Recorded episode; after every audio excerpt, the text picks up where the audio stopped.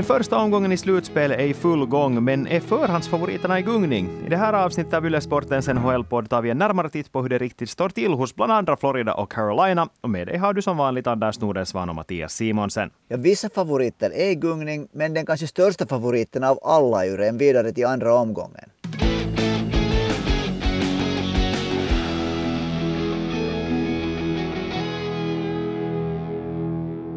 Ja, det som konstaterat, Stanley Cup-slutspelet är igång. Förra veckan tog vi en första titt på hur den här första omgången kan komma att se ut. Nu har vi med facit på hand ganska mycket mer att snacka om, för nu var det ju så som vanligt att det är fyra divisionsvinnare som gick in som slutspel genom att ställas mot wildcard-lag. Och då är ju väntevärde ändå trots att vi till exempel konstaterar att i den östra konferensen så är det väldigt jämnt. I den västra konferensen kanske klarare nivåskillnader, mer om det här senare. Men det är ju ändå lite så att de här stora förhandsfavoriterna är lite illa ute. Och då ska vi tycker jag, börja med Florida. För vi efterlyste ju som vanligt, varje vecka efterlyser vi frågor av alla er som lyssnar. Det är många av er som just uttryckligen vill prata om Florida. Jonas skriver så här. Vad har hänt med Panthers? Jättebra grundserie, men klarar sig dåligt i slutspel. Vad är det som händer? Vad är orsaken? Det är nog en, en, fråga som jag tror att man har funderat mycket på också i Floridas läger. Till exempel lördagens match mot Washington var ju ett verkligt lågvattenmärke. Och nu vann det ju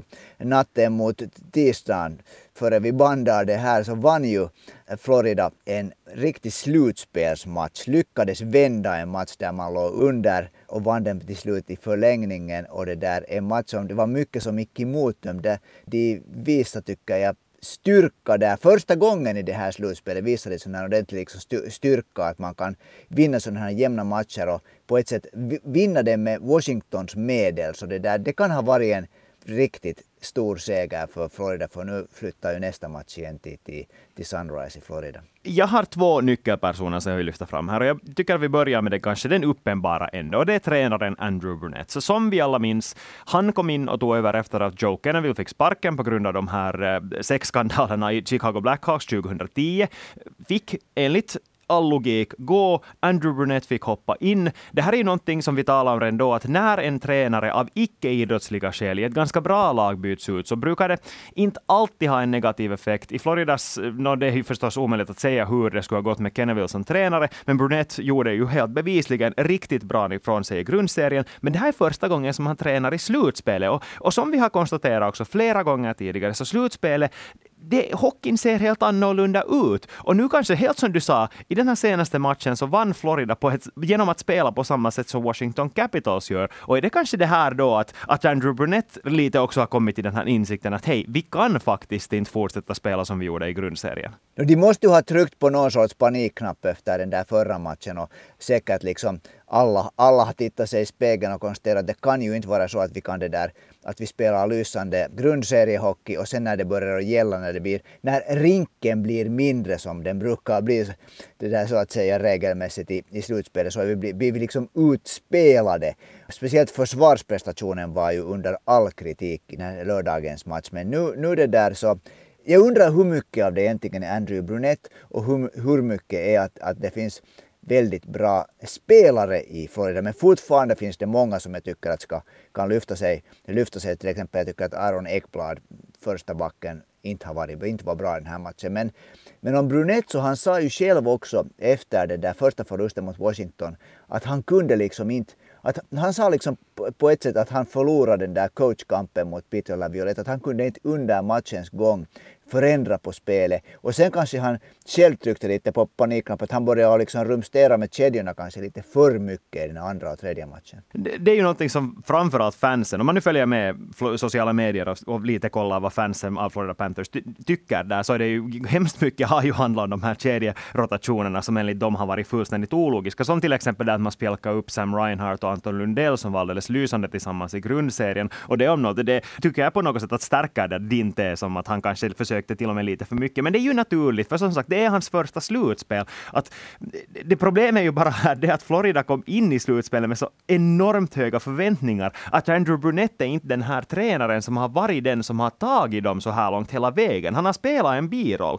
Såklart en assisterande tränare alltid har en stor roll i sitt lag, men nu har han ändå fram till att Kenneville fick gå, så har han varit i princip bara följt med hur Kenen vill göra saker och ting. Nu är det han som ska bära ansvaret. Det är han som på något sätt ska, ska bära ansvaret också och ta det här nästa steget. Som, jag vet inte, är han redo för det? No, det där tycker jag är en bra fråga och om man tänker på hur det ofta såg ut i grundserien så är det där, inte det är ju ett helt bra tecken att fast ett lag är hur bra som helst, hur skickligt som helst, att laget regelbundet ligger under med ett, två, tre, till och med fyra mål inför tredje perioden och sen lyckas med sån här fantastisk liksom offensiv karusell, sen vända matchen. Men inte det är ju så, inte det är ju ett spelsätt som man går någonstans med i slutspelet. Nej om vi ska lyfta fram min andra namn, mitt andra namn som jag lyfter fram, så det är inte Aaron Eckblad. Jag tycker att det kanske är lite fel att sätta jättestor skuld på hans axlar i och med att han ändå återvänder från en skada. Jo, man kan spekulera om det här var att trixa med lönetaket, eller om han egentligen skulle ha varit redo att komma tillbaka redan före slutspelet körde igång. Men faktum är att han var skadad och det tar alltid en tid att anpassa sig på nytt efter en skada. Jag kan inte ens föreställa mig hur svårt det är att göra det när man hoppar in direkt i slutspelet i en så pass tuff serie som den här mot Washington Capitals har visat sig vara. Men en spelare som jag över någon annan vill lyfta fram här, så det är nog Jonathan Huberdeau, för han har inte spelat på det sätt som... Just det här offensiva fyrverkeriet som du nämnde, det är ju det som han ska bidra med. Alla vet att han inte är bra defensivt sett om han vägrar spela defensivt i slutspel så ska han nu väl åtminstone hålla samma nivå offensivt i slutspel. Det har han inte heller gjort. Han har varit en skugga av sig själv. Ja, han, han, hade det där, han hade i bara tror jag första perioden i den här matchen som Frölunda till slut vann så hade han tre sådana lägen som han vanligtvis sätter två av i mål. Och när du säger att han inte är bra försvarsmässigt, så nu är det lite roligt att det bästa han egentligen gjorde under matchen var en helt otroligt fin backcheck när han skrann fast den där Washington-spelare som var på väg igenom och tog pucken bort av honom utan att det blev utvisning. Det var liksom hans starkaste prestation i, i hela den där matchen. Ja, Jonathan Huberdeau, han är nog medveten om det själv. Han får inte det att stämma för tillfället. Definitivt honom kan man titta på, men nu skulle jag också säga att nu har Alexander Barkov också orsak att, att se sig i spegeln. Mm, du är inte den enda som tycker det. Jenny har faktiskt skrivit in och frågat vad det riktigt är som har hänt med Barkov. Borde han inte vara den som leder laget just nu? Det borde han ju. Alltså, den här klyschan om att de bästa spelarna måste vara de bästa spelarna i slutspelet, så det är så som det är. Det gäller bara. Om man tittar på poängligan nu i slutspelet så där finns, där finns i toppen Cale Makar, Brad Marchand, Sidney Crosby, Nathan McKinnon, Kirill Kaprizov, där finns inte Alexander Barkov. Och Alexander Barkov har ett helt fantastiskt lag omkring sig. De har fått spela powerplay så det understa ruttnar. De har inte lyckats göra ett enda powerplay-mål ännu. På något sätt är han i lås och jag har liksom funderat på det här att blir det så när det är slutspel så tar den över mera den här hans liksom att han vill vara pålitlig defensivt när han kanske borde vara den som ännu mera leder offensivt. Jag tror, eh, alltså det kan faktiskt stämma där som du säger, för jag tror också att det kan vara lite svårt att skaka av det här att det är den rollen som han alltid har varit tvungen att ta i Florida. Det har alltid varit han som har varit den enda som backar hemåt. Nu har ju Florida Panthers som lag, bortsett Jonathan Huberdeau, varit ett lag som försvarar väldigt tätt, helt som ett kollektiv. Och när han då inser att nu rullar inte lagets spel på ett sånt sätt som det borde, oavsett om det är offensivt eller defensivt, så tror jag att han kanske är en sån enda spelare som också upprepar det här samma mantra som alla tränare alltid gör, att vi börjar med defensiven och sen när vi är täta försvarsmässigt sett så kan vi börja fundera på att anfalla. Och det är ju inget fel med den logiken. Men ja, alltså som du säger, han borde ju prestera mera poäng. Och det här kvitteringsmålet, ett oerhört viktigt kvitteringsmål mot Washington Capitals i den här fjärde matchen som tvingar fram den här förlängningen. Där, där var han ju i allra högsta grad med och byggde fram det här målet. Så det kan ju vara ett tecken på att han kanske också, kanske förhoppningsvis, håller alla tummar här med finländskt perspektiv, kommer igång också offensivt sett. Det skulle man ju tro och det borde, eller, eller tycka och hoppas för att det där, det, det, det, ska vi säga, det måste ju lossna för Alexander Barkov om Florida ska gå långt i slutspelet, om de ska slå Washington, för att det är ju också helt tydligt att Washington det där, Washington älskar på något sätt den här eh, situationen nu. Man ser att de trivs i det här. De, de smäller på de här äh, Florida-stjärnorna hela tiden, hela tiden, hela tiden. Och ska vi säga att åtminstone i de här äh, två matcherna i Washington så på det sättet hade de nog äh, domarbesluten på sin sida att det där, de fick göra grejer som det där Florida fick utvisningar för. Och det, det, det där tycker jag att lite väl klart stack igenom i, den här, i, i de här matcherna i, i Washington. Nu är det säkert uttryckligen den här tacklingen som TJ Oshie gjorde på Sam Bennett, där tacklade honom rakt i huvudet och inte ens fick någon form av utvisning för det som du hänvisar till, antar jag. Och Kuznetsov gjorde mål direkt efter det. Ja, exakt. Jo, det, men sen var det också tempel i första perioden, före Forda började, för, Forda fick sen ganska mycket utvisningar i och med att de, de fick igång sitt tempospel och Washington blev liksom efter de tog utvisningar. Men där i början så, ja första perioden till exempel, så, så var, det, var det lite så här att, att tackling, tackling, Florida-killen åker ut. Okej, okay, det här är ju e- en diskussion som i princip man alltid förlorar för att det brukar gå jämnt ut i längden. Men ska vi säga att när Washington är ett sånt här lag som gillar, tycker jag, att, att, eller som, som spelar ofta riktigt på gränsen till vad som är tillåtet, fast Tom Wilson inte ens med nu, så det där tycker jag att det lite gynnar det. Eh, må hända, jag, jag, jag, vet, jag tycker inte, jag kan inte säga att jag skriver under det där, men jag, jag inte, eh, speciellt efter den där huvudtacklingen på benet så förstår jag att folk upplever det som så. Men det som jag ska säga, ännu ur Floridas perspektiv, så är den här ju slutspelserien så tillvida bra att om de nu får allt att klaffa, om Andrew Burnett får kontroll över lagets spel, om Jonathan Huberdeau blir den spelare som faktiskt ska nämnas i diskussioner som ligans MVP, om Alexander Barkov stiger fram som den stora ledaren, så då kommer de ju att greja det här. Det är inte, det är någon fråga om det. Så pass bra är det här Panthers. Och om de får alla de här bitarna att falla på sin plats, och om de faktiskt nu lyckas slå Washington Capitals, som trots att de är ett wildcard-lag, är ett ruskigt bra lag, det ska vi inte glömma heller. Det här är inte någon, något bottenlag som de kämpar mot. Det här är faktiskt ett lag som också har all potential att gå hela vägen. Så om Florida får allt att funka, får, får allt att stämma så pass bra att de slår Washington, så kan de faktiskt vara riktigt svårslagna under resten av slutspelet. Ja.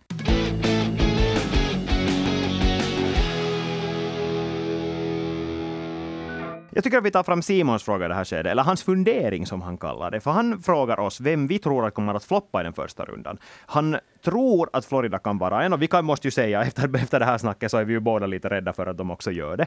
Men själv tror han mest på Calgary Flames. Och här ska vi väl säga, igen upprepa att om Flames faktiskt förlorar mot Dallas Stars, så vi båda skulle inte vara överraskade, men vi skulle ju vara en flopp för Calgary. Ja, men precis som Florida så nu tog ju Calgary Flames en där ordentlig comeback-seger. De vann i Dallas och utjämnade matchserien. Och det var ju nog en, det där, en match där Dallas inte hade mycket, någonting att komma med i spelet. Alltså, jag tror att Calgary hade upp på 50 skott mot mål, över 50 skott eftersom en del av dem gick in. Så det där Calgary, det, det, här liksom, det är svårt att säga nu för jag tycker att båda de här matchparna, det kan ha varit ett vägskäl, det behöver inte vara det. Det kan vara det, men jag tycker också att det går att tolka på lite annat sätt. Uh, jag skulle säga så här, Daryl Sutter har lyft fram hela tiden att han har minsann vetat att Dallas är ett lag som spelar så otroligt uppoffrande defensivt och det här är ett lag som man, man vinner matcher med 1-0, så är det bara.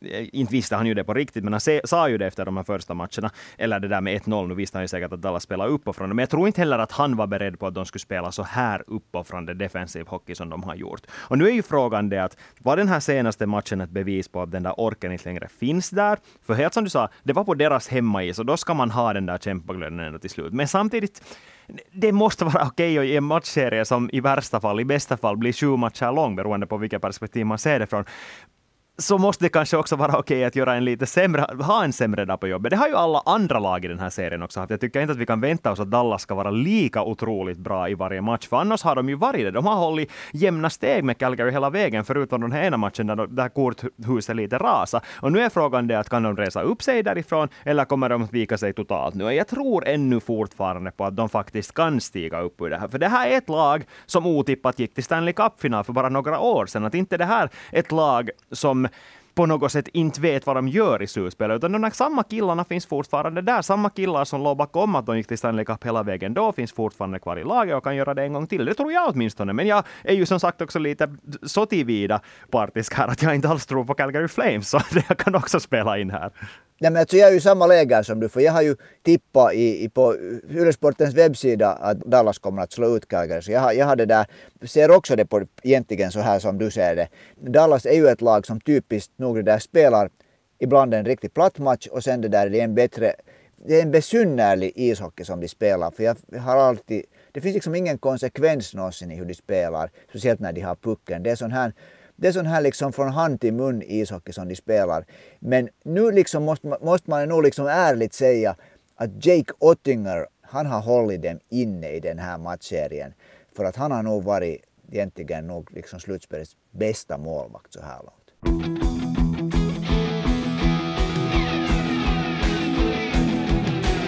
I den östra konferensen hittas också en annan divisionsvinnare, inte bara Florida Panthers, utan också ett annat väldigt finländskt sett intressant lag. Carolina Hurricanes. Uh, nu ska vi inte kanske säga att det väntevärde var att de skulle slå Boston i fyra matcher, men nu har de varit illa ute nu. nu är de speciellt illa ute. Alltså det såg alltså riktigt bra ut efter de där två hemmamatcherna i Raleigh när de, när de skrann ifrån Boston. Men sen blev det nog två kallduschar i, Beantown. I, första, I den här första förlusten som, det där, som de skulle ha haft en chans att gå upp i, i, i 3-0 ledning, så där, där var det liksom en sån här fest av blockerade skott och en otroligt bra match av, av, av, eh, Jeremy Swayman som jag tycker att egentligen avgjorde den matchen. Men sen den här senaste matchen så där var det Bostons perfection line som bara totalt tog över matchen, förnedra Carolina och det har nog satt spår här igen, två nycklar som jag vill lyfta fram. Och vi börjar med Perfection Line, för det är ju alldeles otroligt nu med facit på att de inte spelar tillsammans hela tiden. Att det faktiskt någonstans i Bruce Cassidys tankar, i hans hjärna, fanns det någon cell som tyckte att hej, nu spjälkar vi upp dem här och så ser vi vad som händer. No, det resulterar i att de förlorar en massa matcher. De förlorar väldigt viktiga matcher och nu är de tillsammans igen. Och jag vet inte, glömde Carolina Hurricanes på något sätt hur bra den här kedjan är? För det kändes ju som att de var helt i en klass för sig när de var ute på isen. Men det är just det här att när det inte är fråga om att Nej, de glömde ju inte tycker jag.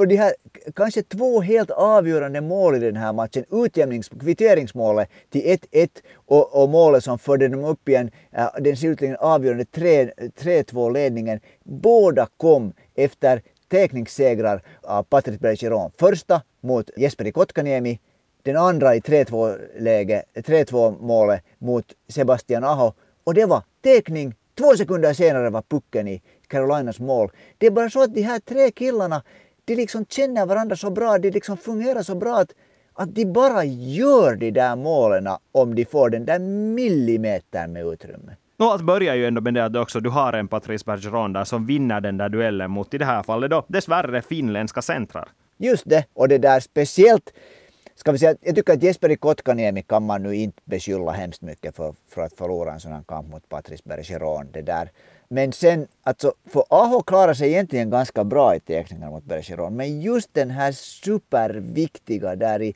egna, egna zonen, det var, den, den skulle han bara inte ha fått förlora.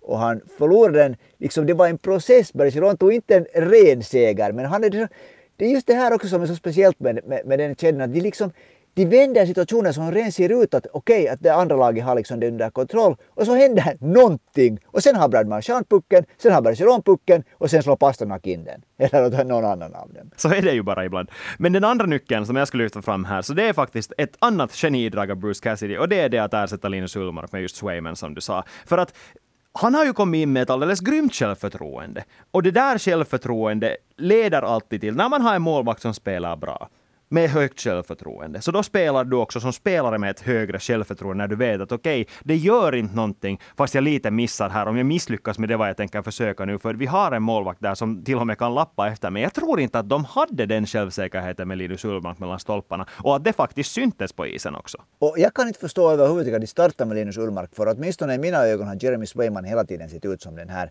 bättre av det. Jag tycker att alltid nästan när jag har sett Jeremy Swayman spela så har han varit bra. Linus Ullmark har inte inte alltid varit bra. Jag, jag, liksom, jag, jag är antagligen för att Sveman är så mycket yngre. Men inte har Linus Ullmark hade ju, har ju inte heller någon slutspelserfarenhet. Han har spelat i Buffalo och vi vet alla hur många gånger Buffalo har varit i slutspel under senaste år, årtiondet. Så det där, äh, jag, var för, jag var förvånad från början att han, att han inte startade med Swayman. Ja, det här är ju också någonting som fansen, om vi nu igen tittar på hur fansen har reagerat på saker och ting, så var det här ändå Tuukka Rask kom tillbaks så var ju fansen rädda för att det här nu kommer att leda till att Swayman skickas till Farmen, för att han hade fram till det också varit så mycket bättre än Linus Ullmark. Att då ju fanns det förstås kontrakttekniska orsaker till att Swayman fortfarande har ett tvåvägskontrakt medan Ullmark inte har det, och att det var det som var orsaken till att Swayman då fick ge utrymme för Tuukka Rask när han försökte sig på den här comebacken. Men Nej, det är ju helt som du säger, men om det faktiskt är så att han nu kommer in med en sån här Jordan Binnington-typs självförtroende anno 2019, så kan det ju vara nyckeln i den här serien mot ett Carolina Hurricanes, där vi också måste säga att de finländska stjärnorna lyser med sin frånvaro.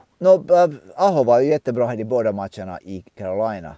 Han var inte bra i båda äh, han har, faktiskt, han har ju inte fått till exempel minus, minussaldo. Han hade faktiskt 60 procent till exempel av sina teckningar vann han i den andra, andra matchen. Så det där. Men, men han måste stiga fram när, de här, när hans motståndare gör poäng. Hans liksom definitiva motståndare, Patrice Bergeron och hans kedja. Så då måste Aho kunna svara. Så är det med de här toppspelarna. Och det där, jag skulle säga nog att Carolinas största problem för tillfället är egna huvud, egna självförtroende. Det att de liksom de ser Boston framför sig och plötsligt börjar det komma spöken i huvudet. Liksom, de tappar ju totalt konceptet i den här matchen som de skulle ha kunnat föra äh, Carolina upp i en 3-1 ledning i, i matchserien. Äh, den andra matchen i Boston. De, hade, de ledde och sen bara tappade de. Precis på samma sätt som mot Tampa Bay för ett år sedan. Ja, det är just det där sättet som det, det korthuset kollapsar som jag inte riktigt förstår. Jag tror att jag aldrig har sett ett lag spela så där odisciplinerat som Carolina gjorde, när de bara tog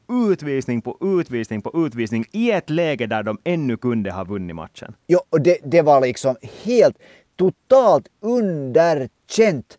Andrei Svechnikov, de ledde med 1-0. Carolina hade fått det Man såg det liksom, de njöt av att spela. De hade spelet igång. Han tar en utvisning i offensiv zon. Alltså det är bara så liksom underkänt. Och sen såklart så tappar ju Tony DeAngelo totalt konceptet, gjorde bort sig riktigt ordentligt. Om man ska tänka, han ska ändå vara den där puckmässigt ledande eh, backen i Carolina. Så jag måste säga att om jag nu skulle vara Rodbrinda Moore så är jag inte hundraprocentigt säker att jag skulle sätta Tony DeAngelo på isen i följande match. Nej, och det, det, här är ju det som man visste när de skaffade in honom. Man visste att risken finns att han är en sån där kille som inte nödvändigtvis kan hålla ihop på samma sätt. Men nej, en till chans kommer han nog att få. Men nu tror jag att Rod Brindamore och Don Waddell tittar, tittar på varandra lite sådär skamset och sådär att nej, nu, nu mockar vi nog att ja, jag vet inte. Men alltså oavsett, så det här är ju fortfarande en superserie som Carolina kan vända, bara de får allt att klaffa igen och bara de faktiskt kommer in med den attityden att de går in för att vinna matcher och inte förlora matcher. För helt som du säger så håller jag med, det ser ut som det där spöket nu existerar där. Och det jag skulle säga att en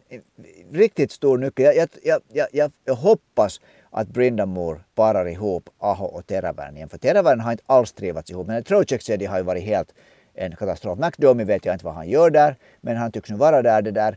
Teräväinen och Aho tycker jag att borde få spela ihop och sen är det fråga då till exempel Jarvis eller Svetsinko som ska bort, bort därifrån. Men, det där. men faktum är att nu är det som det gäller. Sebastian Aho har sagt att han, han, har liksom, han, har, han är så förbannad över att de har förlorat slutspelsserien. Han har liksom gått och funderat på det här. Han har låtit närt hatet mot att förlora i sig själv. Det är nu han måste stiga fram. Han är 12 år yngre än Patrice Bergeron. Han måste vinna den där duellen. Det finns inga ursäkter. Sebastian Aho måste vinna duellen mot Patrice Bergeron.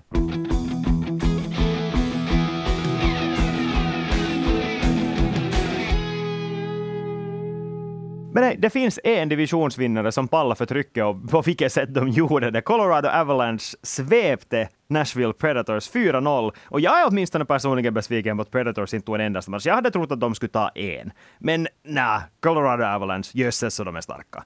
Ska vi säga så att Nashville Predators var ute ur slutspelet när, när Jose Saros skadade sig i sista matchen? Ja, Connor Ingram var nog helt okej okay också. Ja, David Richtig var inte bra, det ska vi säga. Han var kat katastrofusel nästan. Men Connor Ingram var nog en målvakt som om spelarna skulle ha kunnat hålla ens nära på jämna steg med Colorado-spelare så skulle det kunna bli en ordentlig... De skulle kunna ta den där ena segern som jag förväntar mig åtminstone, men nej, nu var de inte ens i närheten. Men jag skulle påstå att Nashville tappar sin swagger när, när inte står mellan stolparna. Det är ett annat lag, alltså det är inte bara målvakten, det är ett annat lag när inte Jose Saros står mellan stolparna. Ja, det stämmer. Och för, ja, nu ska jag igen upprepa mig själv här lite, men ja, när du har en bra målvakt så spelar du med ett helt annat självförtroende, så är det bara, och det är bara fullt logiskt. Men samtidigt så, vad fan, slutspel. Det är liksom det är nu man ska vara den bästa spelaren man kan vara. Och då ska du också kunna tänka sådär att okej, okay, vår målvakt är skadad. De vet antagligen mycket mer om Saros läge än vad vi vet. De vet antagligen, visste antagligen det här att han inte kommer att spela i den här serien. Överhuvudtaget ser det ju ut som. Så då måste man ju också ställa in sig på att nu, nu fixar vi det här oavsett tänk så det måste harma dem att de såsade den där matchen mot Arizona som de ledde med 4-0 efter var det sju minuter och blev det sista wildcard-laget att få Colorado emot sig. För Daryl Sutter hade ju redan, Calgary hade ju redan flera veckor i förhand meddelat att det laget som får Colorado emot sig så det är åtta bortkastade dagar, det vill säga 4-0. Och så gick det ju precis också nu. Att det där, äh, Colorado om man, om man liksom lite är besvikna på Nashville så måste man säga att nu är ju Colorado, nu har de alla sina bästa på isen och de är bra. Och speciellt så måste jag nog lyfta fram att Cale Makar är ju nog, han är offensivt den bästa backen som jag liksom har sett. På tal om Nashville, en fråga som är väldigt re relevant för alla finländska ishockeyvänner vad ska vi tro om de här spelarna kommer till VM? Jose Saros kan vi väl alltså slå fast att han inte kommer att komma. Och det är väl ingen förlust heller för Jukka Jalonen. Han har Harry Sateri och Jussi Jolkinuora och Frans Jag tror inte att han skulle... nu ska han ju ta Jose Saros, men jag tror inte att han eh, spiller en tår över att inte få ha honom. Men Mikael Granlund, Eli Tolvanen? No, Eli Tolvanen tror jag inte att, att, att uh, Jalonen litar så mycket på att han tar med honom i lag. Men Mikael Granlund tar han ju såklart om Mikael Granlund bara nu inte har någon, någon skada och om han inte det där Eh, det kanske ofta är så att när man åker ut på det här sättet, fyra, fyra matcher direkt, så är det kanske, blir den där besvikelsen kanske inte lika liksom så här totalt knäckande som när man förlorar i sjunde matchen. Så det kan hända att Granlund har liksom hunnit förbereda sig på att vad han, vad han det där säger när Jalonen ringer, eller Jere Lehtinen är det väl som ringer till honom. No, om Granlund har varit bra på liten is i NHL så vet vi också hur bra han kan vara på stor is i ett hemma-VM, som då i det här fallet som Lejonens självskrivna första center. Så nu, nu måste man ju på något sätt ändå anta att det lockar. Man skulle ju tycka det att, det där att han vill ha en en bra avslutning på en eh, säsong som ju har varit också bra för honom. Det här har varit en av hans bästa säsonger. Det har varit liksom, han var bra än förra året, men nu har det här varit på något sätt en sån här, tycker jag, comeback-säsong av Mikael Granlund på många sätt. Att han har varit liksom en riktigt, riktigt bra NHL topp 6-spelare den här säsongen. Men vet du vad, innan vi sätter punkt för det här avsnittet så kan vi ta och tippa en gång till. Och då vet vi ju att det inte alls kommer att gå som, så som vi tror. Men de tre återstående divisionsvinnarna, vem går, eller ur deras matcher, vem är det som går vidare? Jag måste ju hålla fast vid det. Jag kan ju inte vara en sån där fegis att jag plötsligt tippar om Dallas. Jag håller fast vid att, att fast jag lite kritiserar Dallas här så att Dallas går vidare. Och så jag tror att Florida fixar det här. Det kanske beror också på att jag inte gillar Washington Capitals. jag lyfter handen, jag har aldrig gillat Washington Capitals. Jag tror att Florida fixar det här. Och med Carolina Boston? Försök inte fega ur det, du. jag märkte hur du försökte ignorera den. Mm. Ja, jag har tippat Carolina. Jag, jag håller fast vid det. Jag, jag, jag tror på att Sebastian Aho reser sig. Jag tror inte att Sebastian Aho reser sig. Jag tror att Boston fixar det. Jag tror att Washington också klarar av att göra Floridas säsong till en flopp. Men jag håller med dig om Dallas. De går vidare. Ja, det där men båda kan vi väl inte ha? Hur ska det gå om vi båda har totalt fel? Då vet jag inte. då, är plötsligt, då är plötsligt Örebro i... Det var det som jag garderade mig för här. Lite trovärdighet för vår podd måste man ju ha.